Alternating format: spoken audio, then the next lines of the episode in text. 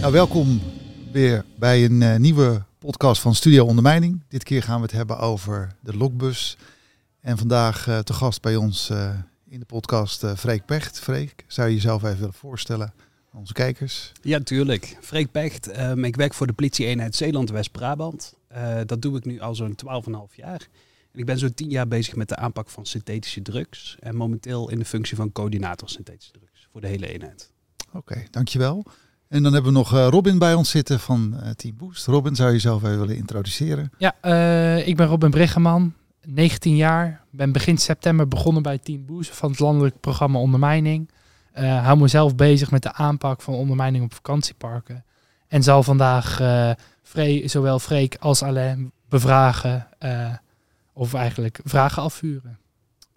Nou, dat is mooi. Dat belooft heel wat. We gaan het dus hebben over de lokbus. En je hebt ook nog een primeur voor ons in deze uitzending. En dat is ook wel erg leuk om naar uit te kijken natuurlijk. Die houden we nog geheim.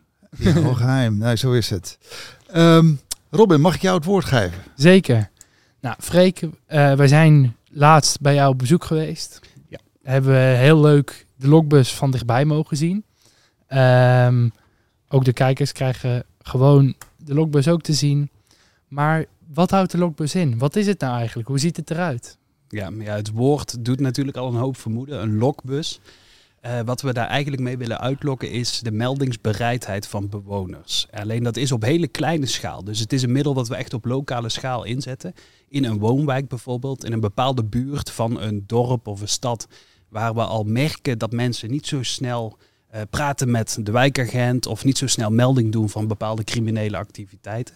Daar zetten we deze lokbus in om eigenlijk uit te lokken dat de wereld van de drugscriminaliteit veel dichterbij is dan menigeen denkt. Vaak is voor mensen als ze niks met de politie hebben of niks met drugs hebben, echt een ver van hun bedshow.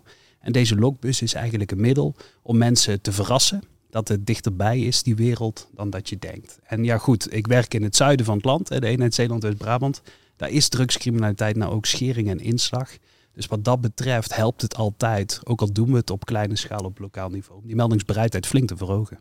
En um, ja, hoe ziet de bus eruit? Hoe uh, kun je daar een beeld van geven? Ja, het is echt de meest afstandse bus die ooit uh, bij de politie op de, op de payroll heeft gestaan.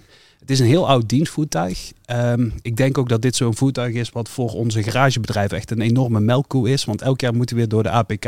En volgens mij is dit echt iets waar ze kapitaalgeld aan verdienen. Het is een hele afstandse bus. Echt een bus waarvan niemand zegt dat die van de politie is. Dat, uh, dat kun je absoluut niet zien. En die bus die heeft geblindeerde ruiten achterin. Het is een oude, uh, hele simpele Ford Transit. En die is gevuld tot aan de noctua vol met uh, drugsafval. En dat is dan niet het daadwerkelijke afval. Het zijn wel verpakkingen waar het afval in heeft gezeten. Maar de verpakkingen zijn grotendeels leeggemaakt, uiteraard. Want we willen geen gevaarlijke toestanden. we willen niet dat de boel gaat lekken of dat er brand uitbreekt op het moment dat we er niet bij zijn. Dus wat dat betreft heeft het alle uiterlijkheden van een bus die gevuld is met drugsafval. Um, en daar zijn natuurlijk een aantal uh, sensoren en kenmerken in gemaakt om te hopen, om te zien of mensen ook echt melden. En um, de, je hebt toch ook iets qua geur toegevoegd aan de bus? Um, ja.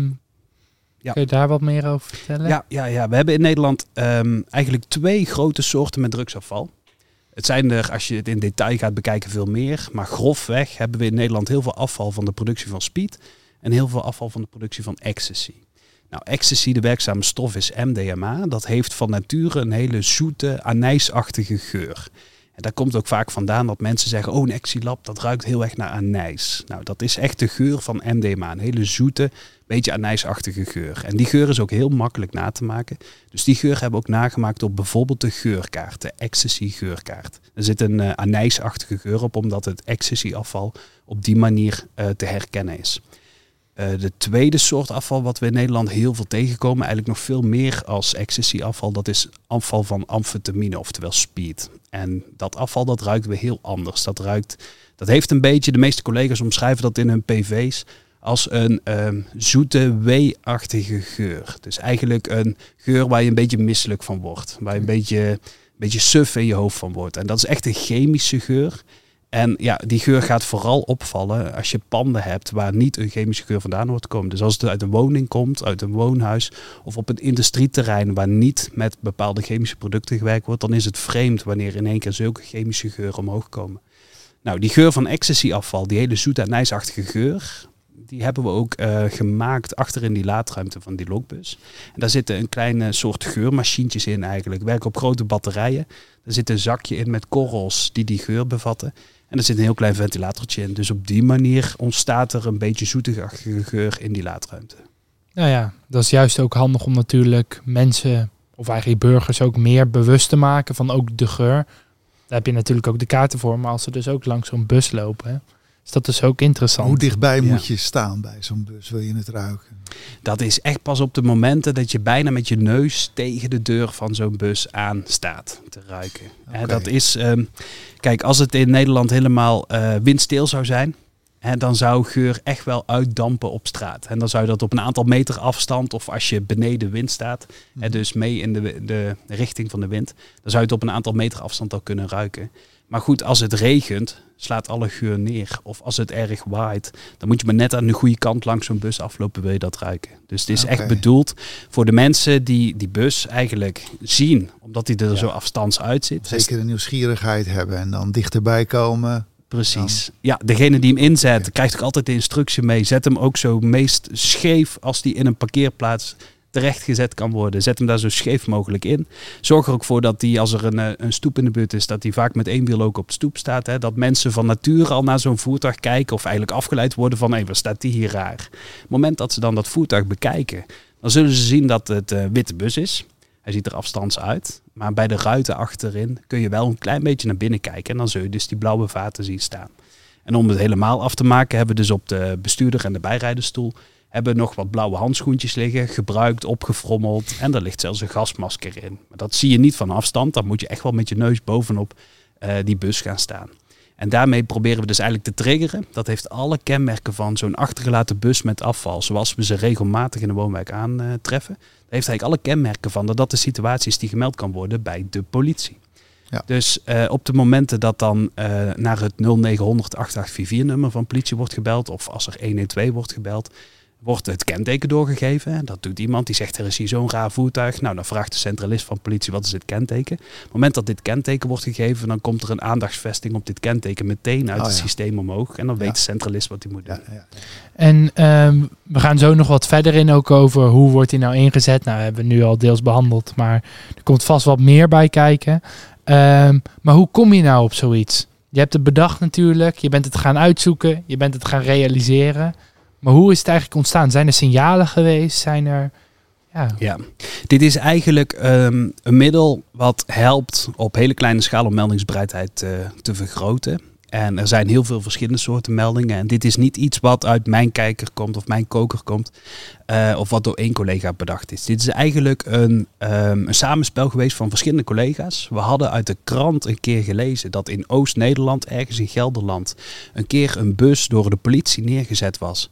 Met um, vaten erin, waardoor het leek op drugsafval. Nou, dat kwam een keer in het nieuws voorbij. Dat is echt al jaren terug. Ik denk in de periode van 2016 of 2017. En in 2019, dus ook al een aantal jaren terug, kregen we in onze eenheid de beschikking over die oude afstandse bus. Die hadden we op dat moment nog bij een trainingslocatie staan.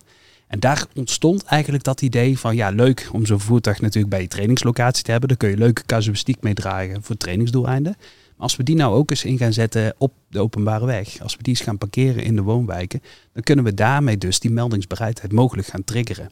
En eigenlijk is zo wel dat idee ontstaan. Dus sinds 2020 is eigenlijk het, het geval dat we die bus grootschalig zijn gaan inzetten.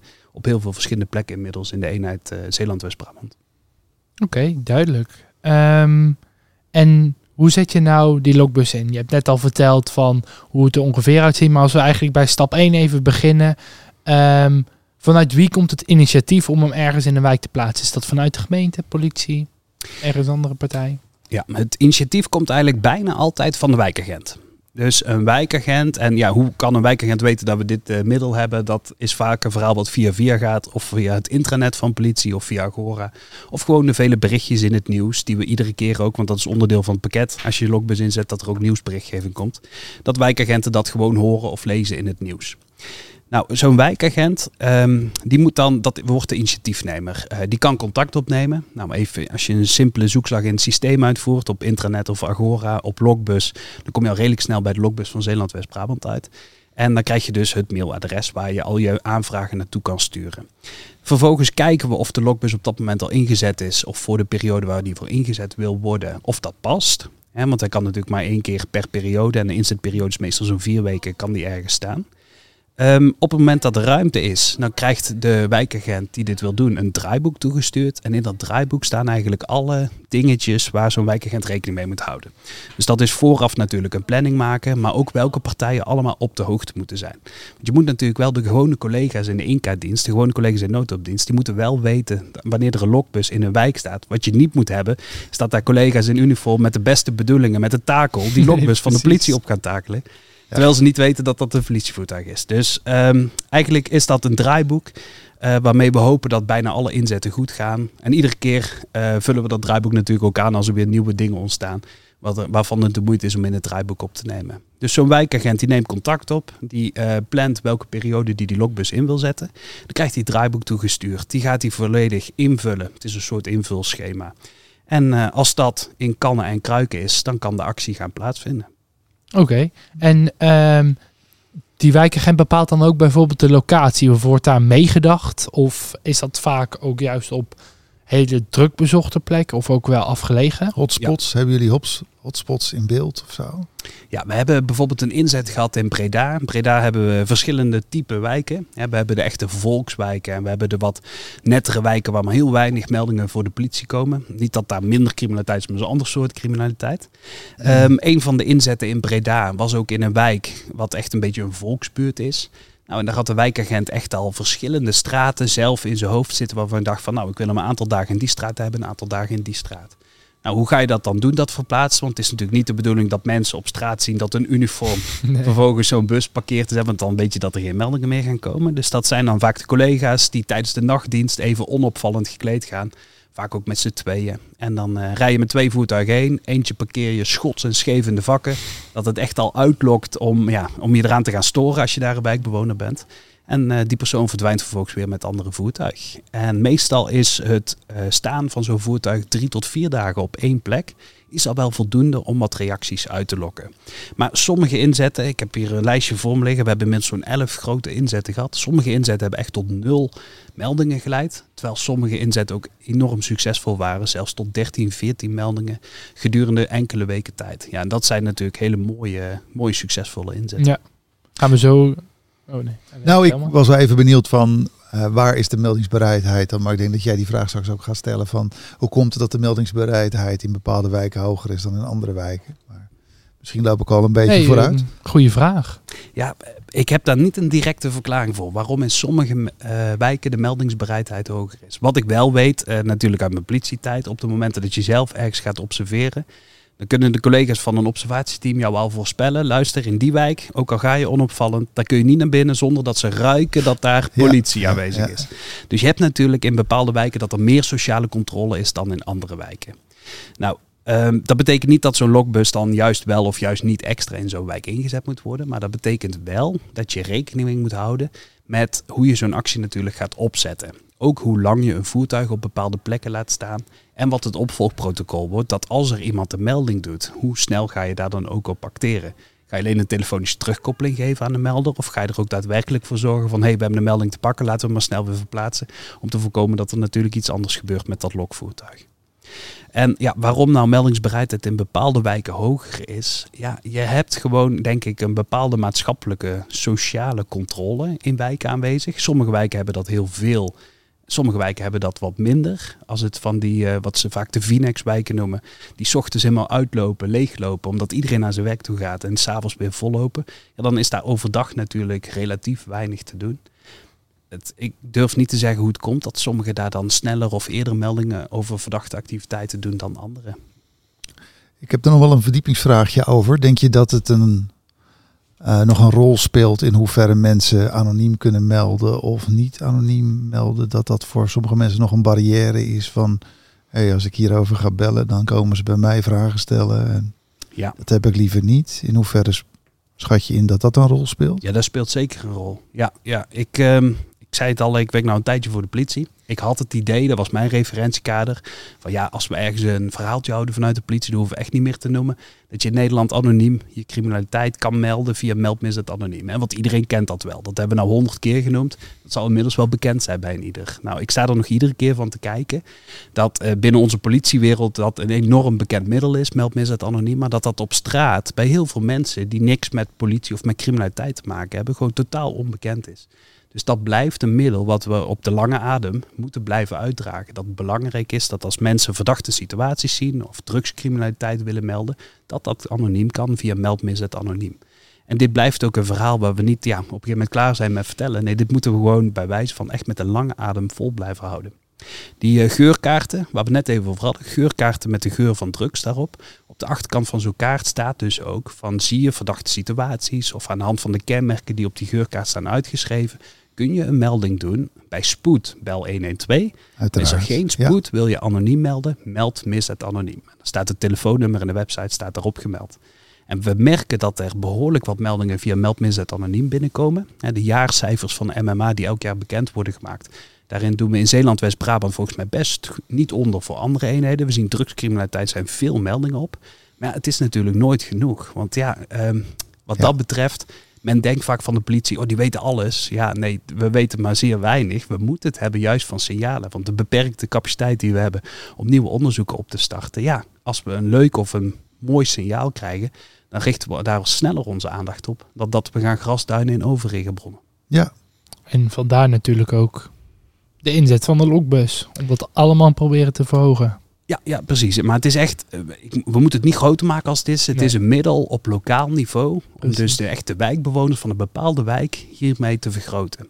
Daarom is het ook zo belangrijk om de media daar iedere keer bij te betrekken. Want als jij als wijkbewoner niks met de politie hebt, je hebt niks met drugscriminaliteit te maken.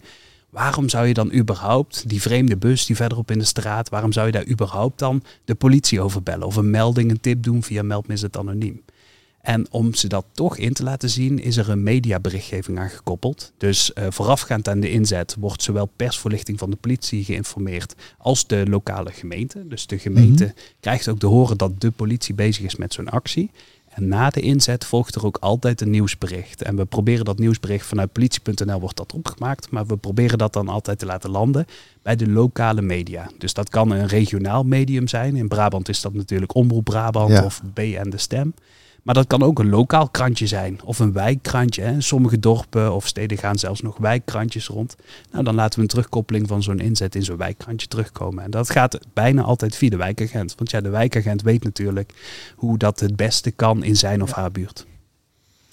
Ik bedacht me van een belangrijk motief voor iemand om te melden zou natuurlijk ook kunnen zijn het gevaar wat het met zich meebrengt. Hè? Het risico van zo'n voertuig vlak bij je woning of uh, kinderen die daarbij in de buurt komen. Uh, benadrukken jullie dat nog in de berichtgeving op een of andere manier? Als... Jazeker. Ja.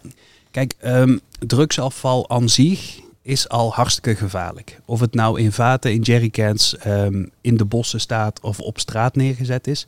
Of wanneer het in een voertuig geplaatst is, drugsafval aan zich. Daar zitten al heel wat gevaren en risico's aan. Um, eigenlijk zijn er bij drugscriminaliteit drie grote gevaren. En ik noem ze regelmatig, maar ik zal ze hier nog even opnoemen. Een ontploffingsgevaar, een brandgevaar en het gevaar van agressieve stoffen. Nou, drugsafval is natuurlijk die laatste categorie stoffen. Dat zijn agressieve stoffen. Denk aan zuren en denk aan bazen. Stoffen zoals zoutzuur en stoffen zoals caustic soda. Op het moment dat die op een verkeerd gepland moment, dus ongecontroleerd met elkaar in aanraking komen, dan geeft dat een chemische reactie. Sommige chemische reacties, daar komt heel veel hitte bij vrij. En dan kan de boel de brand vliegen. Sommige chemische reacties die zorgen ervoor dat de zuren juist gaan werken, waardoor dus uh, zuren overal doorheen bijten. Dat uh, het verhaal dat lijkt er vooral uit de film dat je een lichaam kan oplossen in een vat met zoutzuur. Nou, in de praktijk kun je dat echt wel gaan doen en dan kom je behoorlijk ver. Het dan wijden we wel een andere podcast aan als je niet erg vindt. Ja, precies. maar goed, het zijn natuurlijk enorme agressieve stoffen. En um, nou zou je zeggen van ja, hoezo drugsafval, dat zit in een aantal vaten. Als dat erg stilstaat, dan kan er niks mee gebeuren. Nou, niets is minder waar. We hebben het gisteren nog meegemaakt in Breda. In de Karel Doormanlaan is gisterenochtend, of eigenlijk was het in de middag, een grote bus gevonden. Een pommetje volgeladen met drugsafval. En vanochtend belde een journalist naar onze persvoorlichting Maar ja, die staat daar geparkeerd in een woonwijk. En de politie doet er allemaal moeilijk over. Een grote linter eromheen. En tot diep in de nacht zijn ze met opruimen bezig geweest. Was dat nou zo gevaarlijk? Nou ja, misschien een terechte vraag van een journalist als je daar Mhm. niets over weet. Dus persvoorlichting heeft dat ook keurig beantwoord. Jazeker, drugsafval is per definitie gevaarlijk. Dat zijn agressieve stoffen. Als je daar niet volgens de juiste eh, meetmiddelen mee omgaat, dan kunnen die stoffen dus een chemische reactie geven. En een ongecontroleerde omstandigheid is wel als het in zo'n laadruimte staat, in een busje, zeker als die midden in een woonwijk staat. De boel kan in de fik vliegen, Ja. de boel kan gaan reageren met alle ernstige gevolgen daaraan toe. En ja, je zult er dan maar, zoals ze op Dumpert vaak zeggen, je zult er maar lopen met je kinderwagen. Ja. Ja. zal er maar net op het verkeerde moment een burger voorbij komen en de boel gaat reageren, heb je echt wel even een groot probleem. Ja, nou, alle reden om het serieus aan te pakken en zorgvuldig. eh, ja, duidelijk. Ja. Ja. Ehm, nog even ook nog weer aan te sluiten op ook weer het- de inzetten van. Je hebt eigenlijk al redelijk wat voorbeelden genoemd van ja, actoren of personen die betrokken zijn bij de inzet. Eh, waaronder gemeente, politie. eh, nou, de meldkamer is natuurlijk deels ook betrokken, Ja, want die zeker. moeten iets doen met de melding. Ja. Zijn er nog meer partijen die echt daar dichtbij betrokken zijn? Ja, als ik hem eh, even doorloop. Je hebt natuurlijk de wijkagent die dan de inzet gaat coördineren. Die schrijft dat draaiboek. Of tenminste, die vult het draaiboek in voor de periode waarin hij of zij die inzet wil plannen. Vervolgens wordt er een aandachtsmelding op het kenteken opgemaakt. En eh, die staan er natuurlijk op dit kenteken van die lokbus al honderden in die systemen. Maar voor die periode, dan kun je gelukkig in BVA met periode invullen. Dan komt in de tekst te staan van die aandachtsvesting van... hey, dit betreft een inzet van een politievoertuig, een lokbus met drugsafval... Hij is van deze tot deze periode ingezet in deze en deze buurt. Bij alle meldingen omtrent dit adres bel meteen met en dan de naam van de wijkagent, het 06-nummer van de wijkagent. Dat betekent dus dat zo'n wijkagent gedurende de inzet die hij dan heeft, ja, wel even moet zorgen dat hij 24-7 wel zijn telefoon natuurlijk bij de hand houdt. Op het moment dat er dan een melding binnenkomt, en de meeste meldingen die binnenkomen, die gaan gewoon via 0900 8844. Nou, dan krijgt die wijkagent krijgt daar of direct een telefoontje van, of hij leest het zo snel mogelijk via de landelijke servicemodule, dat hij een terugbelverzoek krijgt. En dan wordt dus verzocht ehm, om, voor die wijkagent om even contact op te nemen met de melder. En dan vertelt die wijkagent meteen aan de melder van, hey meneer of mevrouw, hartelijk dank voor de melding. Wees gerust, dit betreft een lokvoertuig van de politie, dus er is nu niets aan de hand. We willen u vragen deze informatie nog even onder uzelf te houden. En we gaan binnen de kortste keren, en soms is dat een paar dagen of soms is dat nog een week of twee weken later, gaan we een persbericht eruit doen. Sommige wijkagenten en sommige inzetten hebben we het afgelopen jaar gezien. Die regelen ook een bedankje voor de melder. Dus dan gaat de wijkagent niet alleen bellen, maar dan gaat hij fysiek ook nog op een later moment terug bij het adres van de melder. En dan krijgen ze, weet ik veel, een pot met snoep of eh, ze hebben andere dingen geregeld. En sommige wijkagenten die lossen het op door eh, een telefoontje te plegen. En zo zien we toch dat mensen, ja, als ze dus al een drempel hebben genomen om de politie te bellen, of dat nou via 112 is of via 0900 8844, hebben ze natuurlijk al een bepaalde drempel moeten nemen. Want ja, niet iedereen die doet dat zomaar als je verder niks met de politie te maken hebt. En dan krijgen ze op een gegeven moment een terugbelverzoek van zo'n eh, wijkagent. Krijgen ze daar een telefoontje van of een bezoek van. Ja, dan staan ze toch echt wel te kijken. De meeste, dat is denk ik 98% van de melders die we hierbij spreken, zijn hartstikke blij met, eh, met zo'n actie. En zeggen, oh het is goed dat de politie hier ook tijd in stopt. Ja, als je ons alleen maar kent van bekeuringen af en Ja. toe en eh, te hard rijden op de snelweg, dan is dit natuurlijk een hele andere politie die je zo ligt kennen. En ehm, je zei het eigenlijk, wat voor mij eigenlijk heel erg opviel, is dat de meeste meldingen gebeuren via 0800 8844. Eh, waarom niet 112? Wat, of wat zou jouw advies daarin zijn? Moeten die juist gemeld worden via 8844 of toch liever via 112? Nee, de meeste eh, meldingen omtrent zo'n lokbus, die komen binnen via 0900 8844. En dat is wat mij betreft ook de juiste manier om het zo te melden.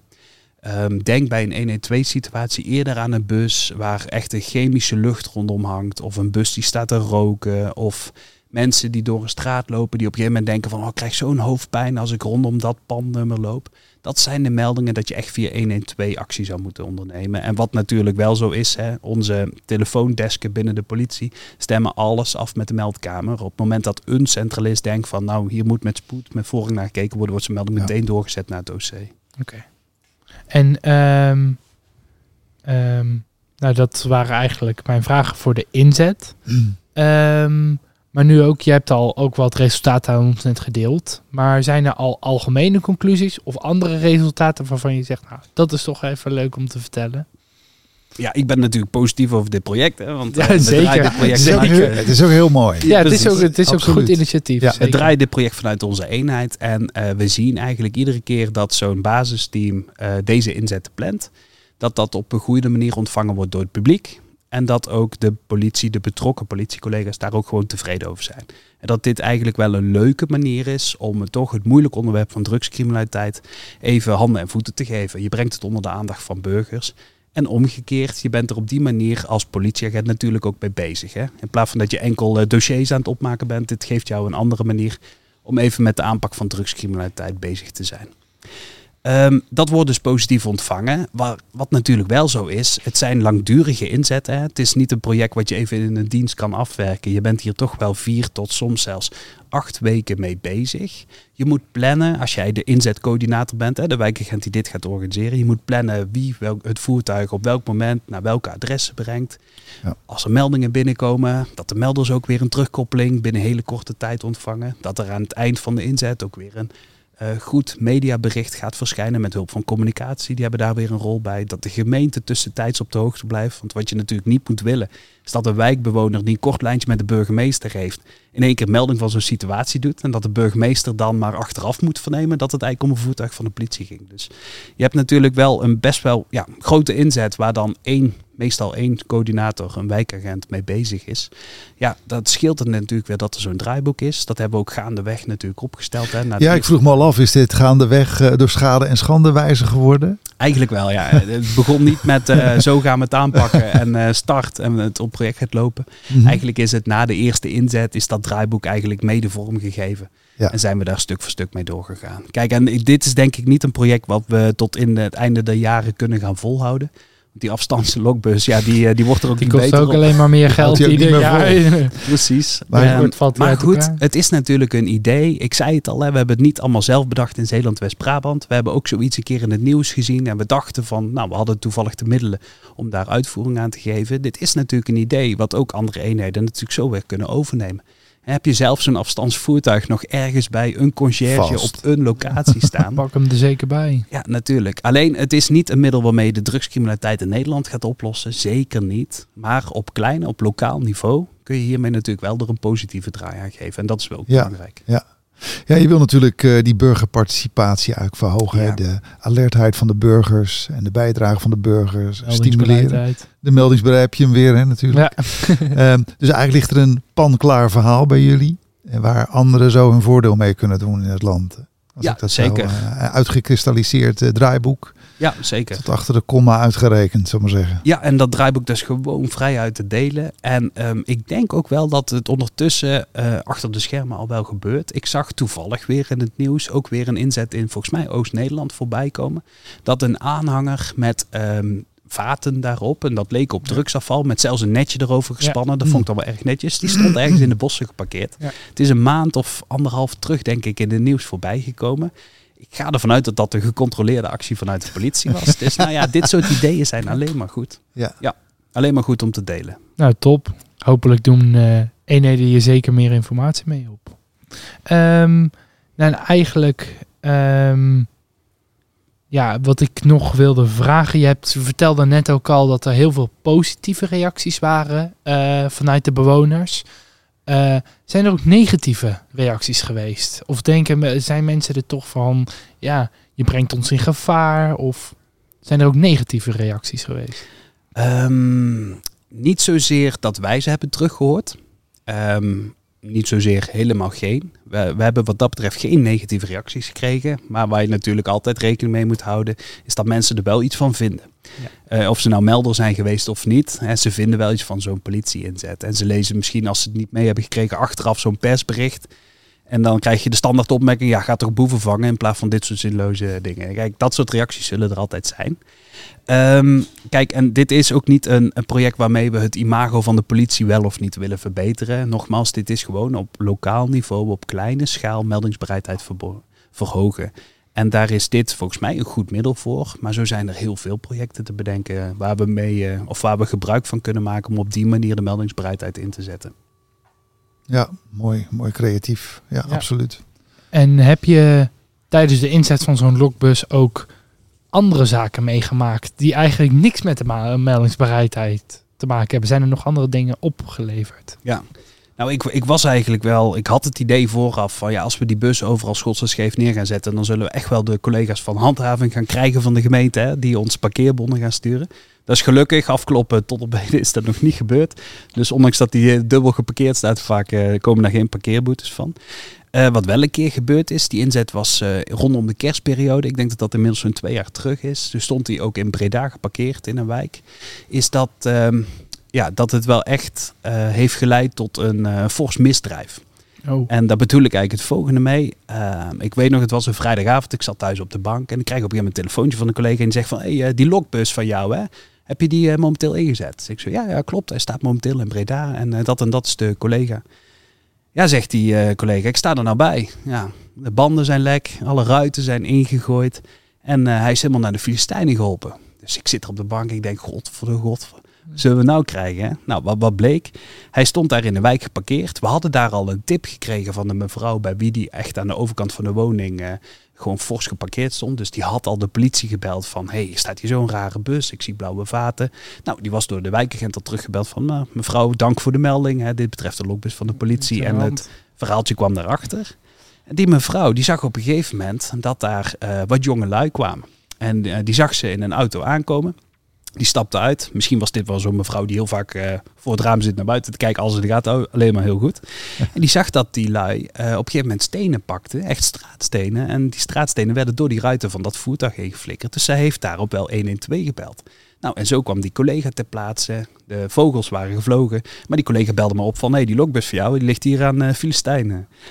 Ehm, wat we toen hebben gedaan is even de takelateur bellen. Dus we hebben gedaan alsof het een eh, crimineel voertuig was. Dus voor de vorm, voor de bühne hebben we hem opgetakeld. Dan is hij eh, naar een garagebedrijf toegebracht. Maar ja, ik zat wel met die mevrouw dat ze een voertuig had gezien waar die jeugd uitkwam. Dus ik heb die collega die daar op dat moment bij stond zover gekregen gelukkig. Die dacht goed mee om bij die mevrouw even een getuigverklaring op te gaan nemen. Mogelijk had ze een kenteken gezien. En jawel, het was vijf minuten tijd en toen was al duidelijk dat zij daadwerkelijk gezien had. Het kenteken van het voertuig, ze had het zelfs vastgelegd genoteerd.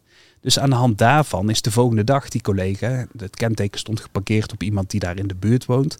Eh, een ouder persoon, maar goed, had wel een eh, net minderjarige of net meerderjarige zoon eh, op dat moment. Eh, dus die collega is bij dat adres langs gegaan. Die heeft gezegd, hey, luister, uw auto die was gisteren in die, die straat. Wie was de chauffeur? Nou, en toen stond daar al meteen, en dat bleek toen een 17-jarige jongen te zijn. Echt met het schaamrood op zijn kaken stond hij daar. Van, ja, luister, daar was ik bij betrokken. En eh, ja, we hebben inderdaad een steen door eh, een autoruit heen gegooid. Nou, die wijkagent hoefde maar twee vragen te stellen. En toen kwamen de namen van de twee anderen er ook al uit. En gelukkig waren dat op dat moment jongeren die tot op dat moment nog nooit met politie in aanraking geweest waren. Twee van 17, één van 18. En die bleken dus dat hele voertuig vernield te hebben. Nou, we hebben even geschakeld. Ehm, op dat moment was er bij de VVC eh, van het basisteam was geen ruimte om een nieuwe aanhouding af te gaan werken. Dus we moesten alles dan maar zelf doen. Ik denk, ja, het gaat gebeuren. Het is mijn lokbus. Dus ja, laten we dan maar zelf werk van Ja. maken. Dus we zijn die drie lui meteen gaan aanhouden. We zijn gaan voorgeleiden. We zijn gaan afhoren. Twee van 17, eentje van 18. En toen bleek dus dat zij daar aan het kloten waren met vuurwerk. Dat ze die bussen al een paar keer hadden zien staan. Dat zij dus dachten dat die van de dealer die daar om de hoek woont was. En dat ze dachten van ja, dat is toch zo'n oude bus. Laten we maar eens een keer een bandlek prikken. En van één keer een bandlek prikken werd dat... Oh, Twee jij durft banden. echt niet die banden. Ja, oké. en Precies, vervolgens ja, ja. voertuig, eh, vuurwerk erin, stenen door en van kwaad naar erger. Dat praat natuurlijk helemaal niet goed hè, dat ze dan dit soort strafbare feiten plegen. Ook al is het een bus van een crimineel. En dit geeft ook wel aan dat ze dus echt het idee hadden dat het niet een voertuig van de politie was. Gelukkig maar. Dat, eh, dat toont dit wel aan. Maar dat eh, maakte vervolgens wel dat ze die strafbare feiten hadden gepleegd. Dus eh, we hebben uiteindelijk met OM natuurlijk overleg gehad. En er is een eh, ZSM-afdoening gedaan. Die twee minderjarigen die zijn er eh, met een taakstraf bij halt. Zijn ze er, of eigenlijk een haltafdoening, zijn ze er vanaf gekomen. En die 18-jarige die moet dan naar een, eh een TOM-zitting is dat. Taakstraf OM-zitting. Dat is eigenlijk een eh, onbedoeld eh, bijeffect. Ja, en en ja. natuurlijk net, eh, ehm, niet. Ja, ze hebben natuurlijk niet ook de gevaren ingezien. wat het had Zeker. kunnen opleveren als het wel Nou, was. Stel je Nee. voor dat het Dan een hadden- geladen bus zou zijn. Dan was Ja. het met, vooral in combinatie met dat vuurwerk een heel ander verhaal geworden. Ja, precies. En ze Ja. moesten ook, eh, dat moet je dan bij halt, hè, dat, eh, tenminste dat is een van de, de, de mogelijkheden, een brief schrijven naar de gedupeerde. Nou, in dit geval was de gedupeerde politie, maar goed, daar stond al mijn naam wel ja, bij. Dus was jij. ik ontving van die twee 17-jarigen vervolgens een paar weken later zo'n brief. Waarin ze dus ehm, natuurlijk in kan en kruiken vertelden van ja, waarom ze het gedaan hadden. En dat ze echt niet wisten dat het een politievoertuig was. En Hm. dat ze echt wel eens waren dat het heel goed was van de politie om dit soort acties te Kijk. doen. En, eh, maar goed, ja, dat praat nog steeds niet goed. Dat je wat ze gedaan tengels hebben. van andermans Nee. eigendom af moet blijven. Dus ehm, ja, wat dat betreft, ze hebben mogen betalen voor de schade. Eh, ik noemde het al aan het begin, die lokbus, daar is een melkkoe voor die garagebedrijven van de Ja. politie. Nou, hier werd hij dus weer gerepareerd, maar dat is wel op kosten gegaan van eh, die drie verdachten uiteindelijk. Dus ja, dat is dan goed dat ze in ieder geval betalen voor, eh, voor de kosten.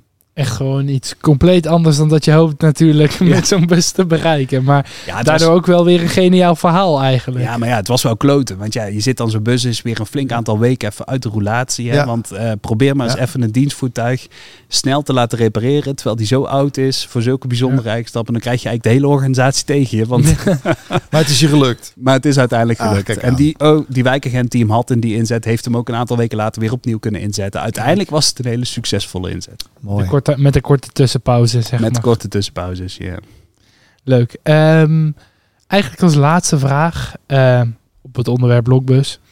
Ehm, wordt die nog steeds ingezet? En hoe lang denk je dat die nog ingezet gaat worden? Je hebt natuurlijk al gezegd, het blijft een oud bakkie. Ja, Ja. ja, we, we hebben hem nu. De APK is tot aan de zomer eh, van komend jaar is die nog, eh, nog goed. Oh. Dus eh, hij blijft tot dan toe in ieder geval ingezet worden. En ehm, of ik het dan gaat lukken om ook mijn leidinggevende weer te overtuigen dat hij nog een jaar uitgereikt moet worden, dat gaan we bekijken.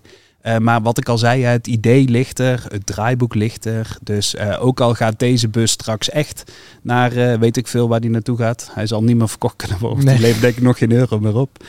Dan is het voor iedereen mogelijk om eenzelfde idee natuurlijk, om daar zelf handen en voeten aan te geven, zelf uitvoering aan te gaan geven. ja dus eigenlijk ehm, het beginbus die stopt ermee, maar het initiatief blijft voortgaan. Ja, kijk, en ik verwacht ook niet Mooi. dat dit iets wordt dat alle eenheden dit gaan doen. En dat eh, dadelijk de gemiddelde Nederlander denkt van ja, ik ga niks meer melden, want het zijn alleen maar lokbussen van de politie. Zo'n overkill zul je ook niet 1, 2, 3 krijgen hoor. Nee. Nee. Ja, het is eigenlijk wat je net noemde. Hier in eh, Zeeland, eh, nou, of in Zeeland, West-Brabant wordt hij dan gebruikt. In Oost-Nederland, maar in de rest van delen zou die vast wel een keer, maar niet zo heb je daar, daar zicht op, zeg maar? Wat, want ik heb wel eens begrepen dat het zich ook een beetje af en toe verplaatst door het land heen.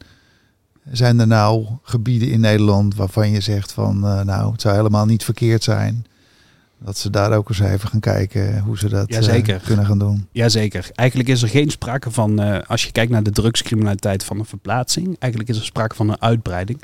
Het is echt Aha. als een olievlek, is het vanuit Limburg, Brabant en Zeeland is het aan het uitbreiden, zowel naar het noorden toe. Hè. We hebben tegenwoordig zelfs drugslabs in Groningen, Friesland en Drenthe.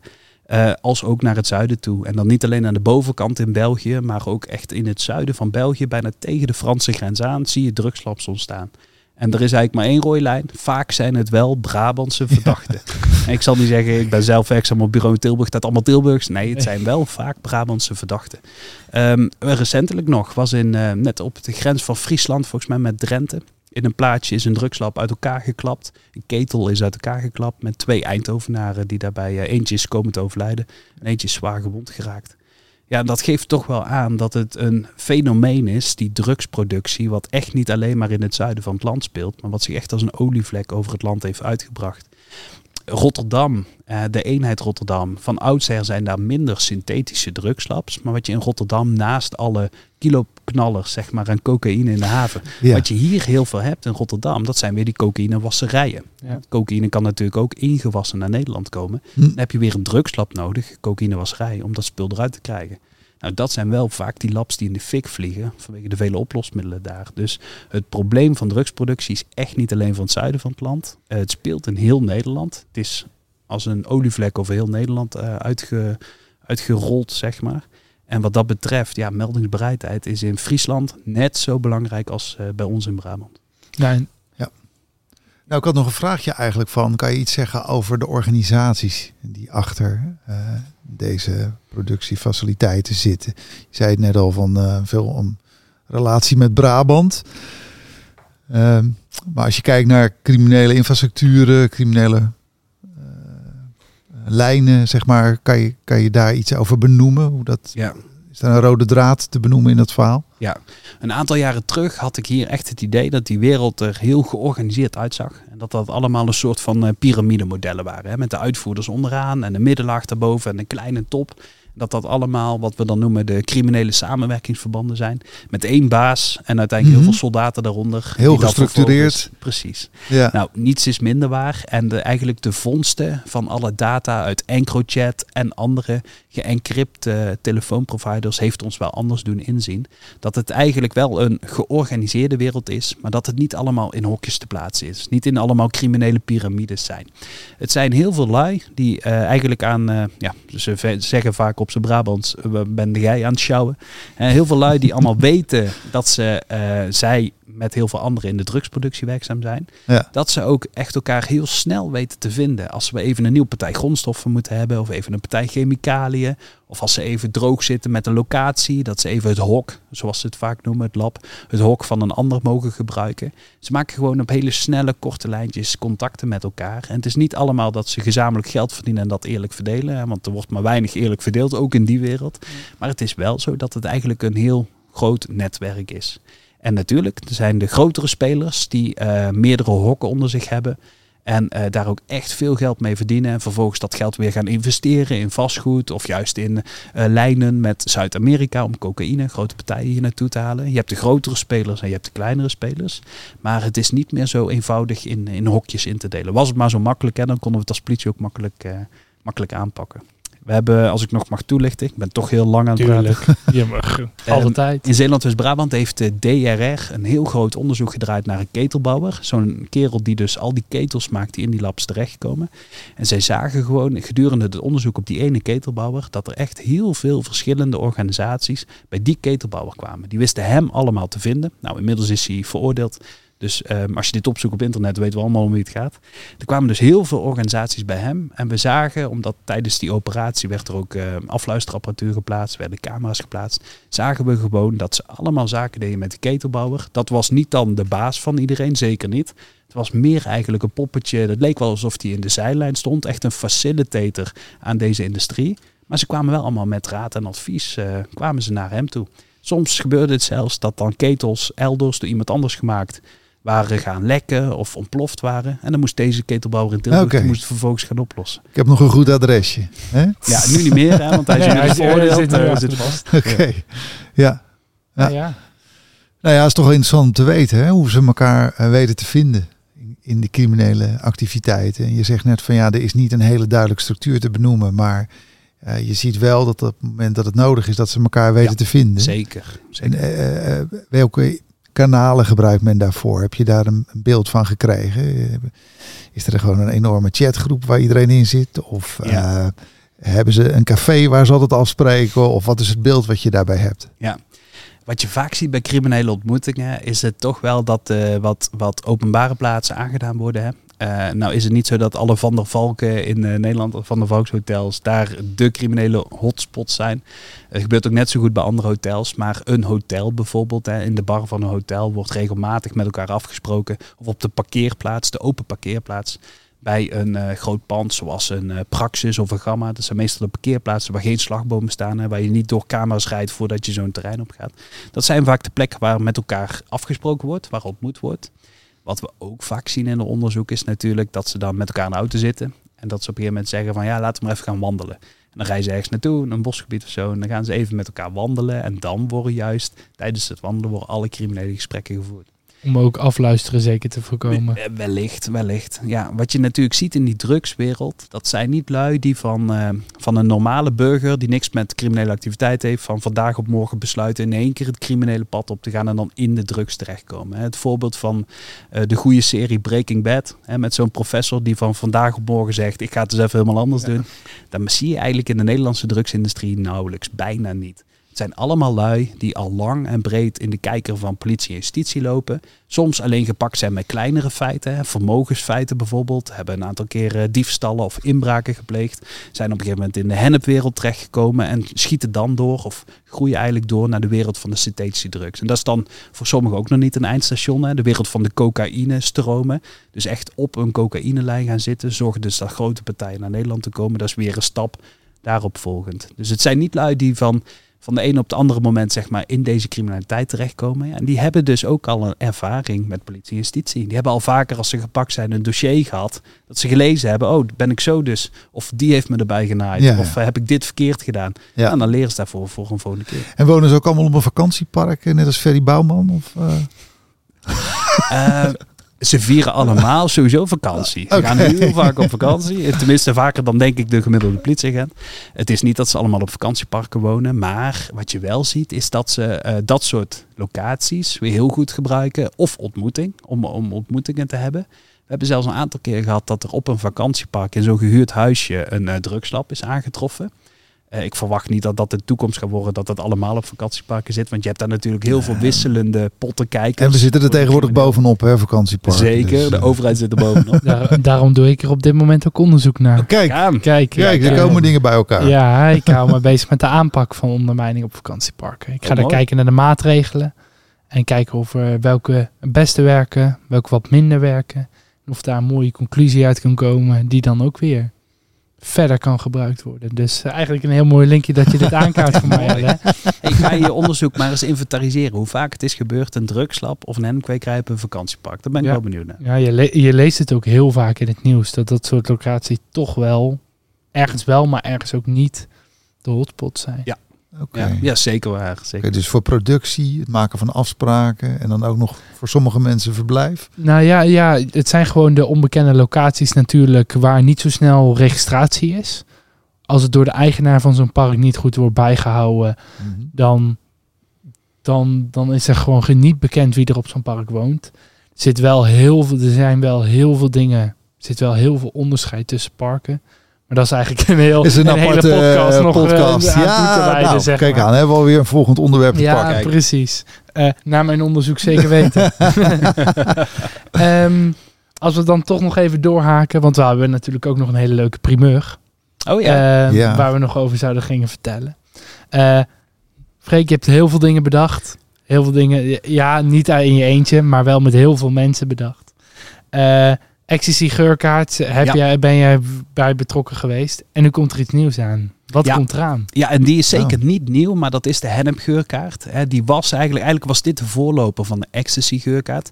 De hennepgeurkaart, voor degenen die daar geen beeld bij hebben, een kaartje, kartonnen kaartje met een vlak daarop waar je overheen kan wrijven. En dan komt de geur van hennep vrij. Om op die manier dus je sensoren te prikkelen van hey, ik zie een kaart met een afbeelding van een hennepplant daarop en vervolgens ruik ik het. Nou, dan komt zo'n boodschap beter binnen dan wanneer je gewoon een politieagent iets hoort zeggen, want dan gaat het ene oor in, het andere oor weer uit.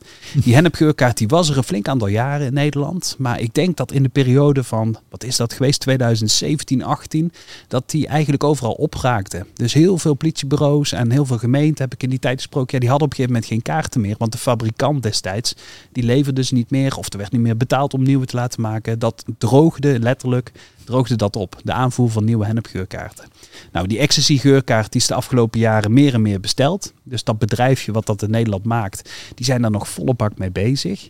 En ja, we hebben het een keer vanuit eh, Brabant bij hun in de week gelegd van hey, er is geen hennepgeurkaart meer. Als jullie nou een gat in de markt zien, dan moet je dat gaan doen. Dan moet je die hennepgeurkaart gaan, eh, gaan binden op zo'n eh, kaartje.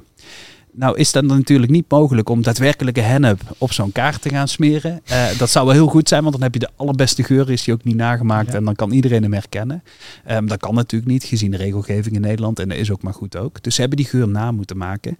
En dat bedrijf is er eh, nu mee bezig. Ze hebben nu een eerste proefdruk hebben ze af. Eh, die laten we nu aan verschillende politieagenten nog even onafhankelijk ruiken. Om te zien of het wel echt de geur is die we moeten hebben. En als dadelijk een akkoord gegeven wordt, dan gaat die ook in productie genomen worden. En dan kunnen dus alle politieagenten in Nederland, maar ook alle mensen van de gemeente of wie dan ook wil, kan uiteindelijk zo'n bestelling plaatsen voor een partij hennepgeurkaarten. En ik denk voor ons, voor de collega's, dat dat altijd belangrijk is. Als je met de burger in gesprek bent, of je rijdt naar een bepaald pand waarvan je denkt van, ik wil toch deze mensen op een goede manier waarschuwen En eh, je wil dan iets achterlaten, dan is zo'n hennepgeurkaart volgens mij een heel goed middel om uh, het gesprek over drugscriminaliteit aan te gaan. Ja, mooi initiatief. Ja, zeker. Ik heb Wat hier natuurlijk oh. ja. de ecstasy geurkaart. Ja, dit is hem. Dit is hem voor de mensen ook die aan het kijken zijn. Ja, wij hebben hem hier al uitgebreid gebruikt op het kantoor. Gewoon puur om iedereen in zijn beleving te Alleen geven. om te ruiken. Alleen om te Oh, ruiken, om het te herkennen. Niet om te consumeren. En nee, natuurlijk om te kijken of hij natuurlijk werkt. Ja. Ja, het is gewoon wel een heel in, ja, informatief middel. Waar je ook, ja, je pakt de achterkant er al bij. Ja. Waar je al eerder over vertelde. Er staat gewoon heel duidelijk ook wat je moet doen als je deze geuren nou ruikt. Ja, exact. En met name dat nummer natuurlijk van Meld Misdaad Anoniem is dan een hele belangrijke erbij. Kijk, vaak denken mensen, eh, alleen je noemde dat net al van, ja, sommigen die vinden dat of eng om te melden. Of die denken van, ja, dag, als ik hier even de naam van een crimineel door ga geven of het kenteken van een crimineel. En straks komen ze erachter dat ik daar was, ja, dan ben ik de Sjaak. Om die drempel toch weg te nemen bij mensen, informeren we ze vaak over meldmisdaad anoniem. Maar dat blijkt, blijft eigenlijk iets wat toch heel erg moeilijk is. En de zaak die recent groot het nieuws geweest is met fruithandel de Groot. Dat, dat helpt de politie, vind ik dan ook niet echt, om eh, te zeggen van... hé hey mensen, jullie moeten criminele activiteiten melden. Dan, Ja. dan geeft daar eigenlijk een verkeerde manier een, een neerslag op. Ja. Dus wat dat betreft, ja, het blijft een, een, een verhaal wat wij moeten blijven voeren natuurlijk met alle burgers in Nederland die we daarover spreken. Het kan anoniem, via meldmisdaad anoniem. En eh, doe niet gewoon een melding bij eh, de wijkagent als jij verder niet weet wat er mee gaat gebeuren. Omdat ja, de wijkagent in Nederland moet net als ieder andere politieagent alles opschrijven wat die hoort. En we Ja. kunnen, als we weten wie een melding doet, kunnen we niet zeggen dat die anoniem binnen is gekomen. Kijk, je Nee. hebt natuurlijk ook nog het kanaal van de TCI. Hè? Als je dus eh, zelf wat meer weet van, van vaak een organisatie die daarachter zit, Ja. dan is zo'n TCI. Eh, Kun je TNI, eh, wat dat betreft een misschien nog wel betere weg om te bewandelen. hè. Want ja, het mooie daarvan is natuurlijk dat je in contact bent met de melder en uiteindelijk ook eh, nog even gerichte vragen kan stellen en het dossier nog beter vorm kan geven. Ja. En bij M is het toch vaak, ja, het is een, het is een eenmalige melding. En dan is dat de informatie waarmee door de politie gewerkt gaat worden. Dus ja, het lijkt mij voor de hand liggend dat op het moment dat je wat verder in de, in de materie zit, wat meer kennis hebt, wat meer inhoudelijk weet, stel je dan alsjeblieft in verbinding met de, de TCI van de politie. Want eh, daar kan je ook vertrouwelijk gesprek voeren. Ook dan komt je naam niet in de politiedossiers terug. Dat wordt volledig afgeschermd. Ja, En Dus goeie. ben je ook eh, helemaal buiten beeld als, eh, als informant. En voor de luisteraars slash kijkers, het TCI is...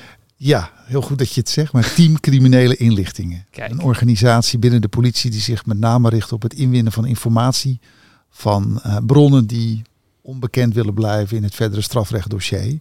Eh, want zoals jij het al schetste, eh, ja, eh, er is vaak een wat hardere bedrijfscultuur binnen criminele organisaties. En het wordt niet altijd gewaardeerd als je met de concurrent praat of met de politie. Dus om die reden is het handig om dat nog even te benoemen, denk ik, in dit verband. Ja, zeker waar. Zeker waar. En nog eh, terug te komen op de geurkaart. Ehm, deze wordt dus wel verspreid vanuit de politie. Of gaat die ook op andere manieren ingezet worden?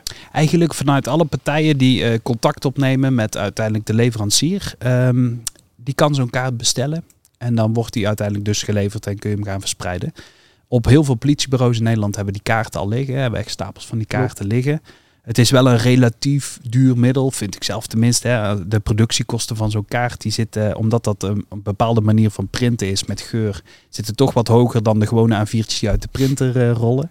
Ehm, maar we zien dat eigenlijk de meeste opdrachten gegeven worden door gemeenten in het land. En dan is dat als mensen bijvoorbeeld de Veiligheidsdag organiseren. Ja. Of als er op een eh, bedrijventerrein een bijeenkomst is met eh, ondernemers en politie sluit aan en andere partijen. Dan zie je ook vaak dat gemeenten zorgen dat dan ook zo'n stapel geurkaarten aanwezig is. Omdat dat gewoon altijd helpt. Het is natuurlijk ook een hele leuke manier om iemands, eh, ja, wat ik al zei, de, de sensoren te prikkelen. Hè? De bewustwording Ja, te mensen horen het niet alleen, maar ze ruiken het ook nog. En dan zijn ze toch op een andere manier mee bezig. En blijft zoiets toch langer in iemands achterhoofd hangen. Ja. Dan wanneer het gewoon een verhaaltje is van een politieagent. Ja, Ja. ja. en het is een hele mooie manier om integraal met alle andere partijen bezig te zijn met hetzelfde onderwerp. En dat is Zeker. helemaal het idee achter de aanpak van ondermijning, is Ja. dat we het met elkaar gaan doen. Ik zou me kunnen voorstellen dat netbeheerders ook veel interesse eh, hebben voor de hennepkaart. Of wat Freek Eh. laatst heeft gehad, zijn de woning, woningcoöperaties. Ja, woningcoöperaties. Ja, ja, En eh, denk ook vooral aan de RIEKs in het land. Ja. Er zijn al meerdere RIEKs die ook gewoon grote opdrachten eh, Oké. tot het printen van die kaarten geven. Kijk dus dat is alleen maar goed. Ja. Dat is alleen maar goed. Nou, Hartstikke gewoon mooi. een hartstikke goed middel met dan binnenkort ook de hennepgeurkaart. Ik hoop het. Ik Ja, hoop dat die snel in het ja. assortiment komt. Precies, als die Ja. goedgekeurd wordt door iedereen, eh, Ja. dan wordt dat zeker leuk. Ehm, nou, dan zijn we eigenlijk bij het laatste onderdeel aangekomen. Wat wij jou willen vragen, Freek, is... We hebben nu eigenlijk heel veel gehad in de hoofdzaak over de logbus en over de geurkaart. Maar daaromheen hebben we heel veel gedraaid om over de aanpak van synthetische drugs hier in Nederland. Heb jij gewoon tips die jij jouw collega's of burgers, mag je zelf helemaal invullen, wil meegeven over de aanpak van synthetische drugs? Ja, daar kan ik er wel een paar bedenken. Ja, precies. Als je, eh, maar met name naar collega's zou dat zijn, als het gaat om het aanpakken van drugscriminaliteit, dan blijft echt met, met stip op één staan, leg alles goed vast. En of dat nou in BVH is, of je kent een collega bij de recherche, of je zit bij de recherche, je legt het in Summit vast, leg alles goed vast. Want het gebeurt zo verschrikkelijk vaak, weet ik dan uit de rechercheonderzoeken waar ik ook een bijdrage aan lever, dat er mutaties, ook al zijn ze jaren oud, uit het systeem in een recherchedossier gevoegd worden omdat het iets zegt over bijvoorbeeld kennis tussen bepaalde subjecten. Als ze ooit met elkaar in een auto gecontroleerd zijn, ook Ja. al was dat de verkeerscontrole, was niks bijzonders, als het maar wel is vastgelegd in BVH, ook al Ja. is het maar een mutatie. En ja, het gebeurt nog regelmatig dat we natuurlijk in een lopend rechercheonderzoek meekrijgen dat ehm, subjecten met de politie in aanraking komen. Hè, dat ze bijvoorbeeld gecontroleerd worden, dit of dat. En dan gaat er natuurlijk meteen een telefoontje overheen vanuit recherche. En dan worden de collega's opgebeld van, hey, maak even uitgebreide eh, mutatie of leg het vast in procesverbaal. Maar het vastleggen, ook al weet je niet wat er uiteindelijk nog met die informatie gebeurt, blijft gewoon verschrikkelijk belangrijk. En ehm, ja, ik heb het zelf al een paar keer ondervonden. Ook al zit je dan in een drukke dienst in de noodhulp op een basisteam en heb je misschien wel tien controles gehad en een heel ernstig feit waar je nog heel veel afhandeling aan hebt, ook al zit je al in de overuren, die vastleggingen die blijven gewoon heel erg belangrijk. En ja, het, het, eh, wat ze vaak zeggen, het eh, boekje van de wijkagent, hè, wat in de hoofden van de wijkagenten zit. Ja, het is gewoon heel belangrijk om die informatie uiteindelijk op papier te krijgen. Dus dan wordt hem met stip op één, leg alles goed vast. Ook om drugscriminaliteit beter aan te kunnen pakken, zijn die mutaties, hoe simpel ook, van groot belang. Oké. En de BVA was, voor mijn idee, Ja, dat het gewone- mij, ik haal eruit natuurlijk gewoon het registratiesysteem van de politie. Ja, ja. maar, wil je weten eh, waar het voor staat? nou, Basisvoorziening, handhaving. Maar dat zeg je nog niet zo heel veel. Dat maar zegt mij eigenlijk ook niet zo. BVH ken ik wel. Ja. Ja. En dat is eigenlijk het systeem waar iedere agent zijn Ja. activiteiten in vastlegt. Dus een controle en alles wat daarmee samenhangt of procesverbaal opmaakt. Precies. En dat is een belangrijke bron voor informatie. Want zoals jij schetst, het kan, het kan net dat ene puzzelstukje zijn die verdachten bij elkaar brengt. Of eh, die de puzzel compleet maakt. En dat is eh, mooi. Of net Ja. meer een, een, strafbaar, zo, een strafbaar feit meer aanstreept bij bijvoorbeeld een vervolging of iets in die richting. Ja, maar wat, wat je net schetst, hè, van eh, zo, ja, maar die meneer die ken ik helemaal niet. Hoe komen jullie erbij dat ik Ja. hem ken? Ik heb hem nog nooit gesproken. Ze nou, hey, we hebben even in onze systemen precies. gekeken. Je bent toen en toen gecontroleerd in die auto. Precies. Toen zat je naast hem. Ja. Ja. Bijzonder dat je Ja. dat niet meer weet. Ja. Hè? Dan heb je weer de mogelijkheid een vervolgvraag te stellen. En Ja. dan weet hij ook van, hé, hey, oh wacht even, ze weten meer. Hè? eh, en dat is denk ik onze kracht, is onze informatiepositie. En dat bereik je door heel goed eh, je werk te doen. Door door te vragen op straat, nieuwsgierig te zijn. Maar ook om dingen goed vast te leggen. Ja. Ik zou het niet beter kunnen zeggen. Alain. Nee, eh, Dankjewel. Freek.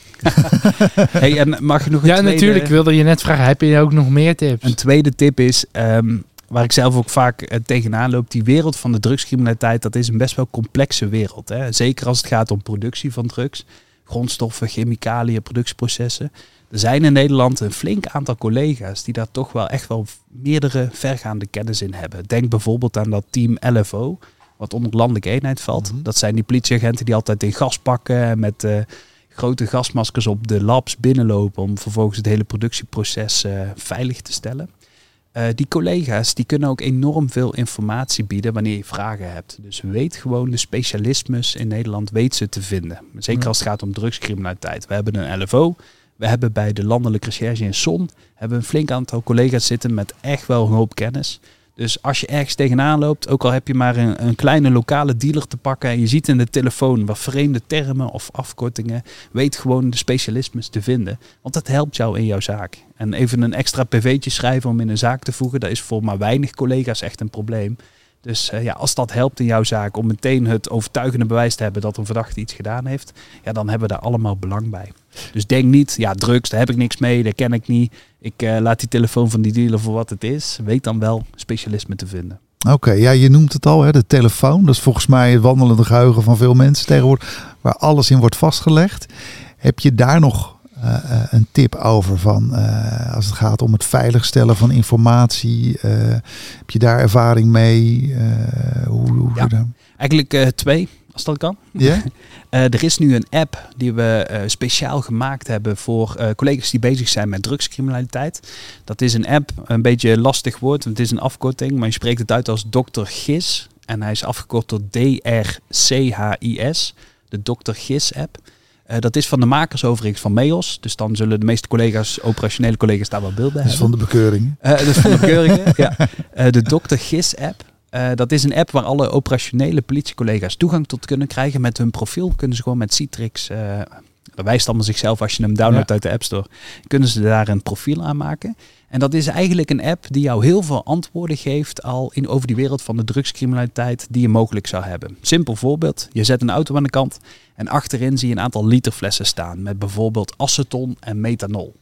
Als gewone collega denk je dan, ja, aceton, methanol. Aceton ken je misschien als nagellakremover. En methanol ja. ken je misschien van de verfwinkel. Maar dan, wat is dat nou, die combinatie? Mm -hmm. Nou, in die Dr. Gis app doe je dan invullen. Het is een soort van Google scherm. Aceton plus methanol. En tada, krijg je meteen een antwoord voor welke drugsprocessen die twee stoffen gebruikt kunnen worden. Wat de legale toepassing is, hè, de, de nagellakremover en de verfwinkel. Maar ook de illegale toepassing. Dus in welke drugslabs we dit tegenkomen. En wat het strafbare feit is, als iemand dat onder welke voorwaarden dan bij zich heeft. Dus die app is eigenlijk ehm, ja, in het veld gekomen met heel veel hulp vanuit de landelijke recherche, vanuit de LFO, zelfs vanuit de FIOD en de douane, OM. Heel veel partijen hebben daar eh, medewerking aan verleend om zo'n app te maken voor alle dienders op straat. Die denken van ja, drugscriminaliteit, daar weet ik niet zoveel van. Nou, dan helpt die app. Kijk, dat is een mooie tip weer Dat is een hele, is een Ja, hele mooie. Ja, ja, ja, ja. Vooral voor de collega's in het werkveld Ja, natuurlijk. zeker. Zeker, belangrijke. En nou had je nog een tweede. blij. De, de andere is... ehm, Over de telefoon. Weet je collega's te vinden over de telefoon natuurlijk. Ehm, op intranet en op Agora-pagina's kun je al heel snel vinden welke collega's zich met drugscriminaliteit bezig te houden. Dus hoe je ze op een makkelijke manier kan bereiken. Maar even over de telefoons van de verdachten, over de criminelen. Als, je, als het jou lukt dus om een telefoon in beslag te nemen en hij is eh, niet zo'n cryptotelefoon die door het NFI gekraakt moet worden, maar een gewone normale smartphone zonder al te veel moeilijke toegangen daarop. Als het je lukt om hem uit te lezen, of je nou de codes krijgt of die krijg je met toestemming van de officier, en je komt bepaalde tekstenpassages tegen die jou op zich niks zeggen, weet dan ook die collega's te vinden die even met jou mee kunnen kijken. Als dat gaat om bijvoorbeeld prijzen van drugs of om productieprocessen, misschien zegt het jou als collega niks. Codetaal. Precies, codetaal. Weet dan zo'n collega te vinden via of intranet of Agora. Want eh, ja, er staat verschrikkelijk veel informatie in die telefoons. En ja, het is ook niet mogelijk om alles op te lossen. Als we het in ieder geval maar herkennen en weer weten vast te leggen. Dan helpt dat. Wellicht is dat weer een haakje voor zo'n nieuw rechercheonderzoek. Wat ze uiteindelijk wel kunnen gebruiken. Kijk aan. Mooi. Dankjewel. Ja, heel mooi. Nou ja, Robin, ik eh, kijk naar jou. Ben jij door je vragen ben- heen? Ja, eigenlijk heel erg door mijn vragen heen. Wat ik eigenlijk Ja? wel mooi vond, is dat ik zoveel spreektijd kreeg. Jullie hebben me geen enkele keer afgekapt of gezegd... eh, Nee, want eigenlijk alles wat jij vaak zegt, Freek, is gewoon altijd informatief. Dus ja, ja, ja, eh, bullshit. Ja, ja. je hoort wel eens andere geluiden dan. nee joh. Maar ja, het was gewoon weer een, ja, eigenlijk gewoon een heel informatief gesprek, denk ik. Waar gewoon hele Zeker. mooie dingen nog even een keertje verduidelijkt en op een mooi rijtje zijn gezet. Ja. Oké. Een mooie, een mooie boodschap voor collega's in het land. eh. Die zich afvragen van hoe pak ik dat aan? Hoe vlieg ik dat aan? Welke kennis zit er in andere delen van onze organisatie? En dan denk ik dat, nou ja, zo'n podcast helpt je natuurlijk enorm om dingen in gang te zetten. En eh, daarvoor willen we je hartelijk danken, Freek. Graag gedaan. En eh, Ja. ja. Robin, top gedaan. Mooie vragen. En ik denk dat we terug kunnen kijken op een mooie podcast. En we hebben ook al wat ideeën opgedaan voor een vervolg. Vakantiepark hoorde ik al voorbij komen. Daar kunnen we Freek niet voor uitnodigen, nee, geloof ik. Nee, maar, dat wordt Robin. Dat wordt Robin dan en Ja, dan misschien iemand anders. Dus eh, ja, tot zover. eh, bedankt eh, voor het kijken en eh, graag tot de volgende keer. Zeker, dankjewel. Dankjewel.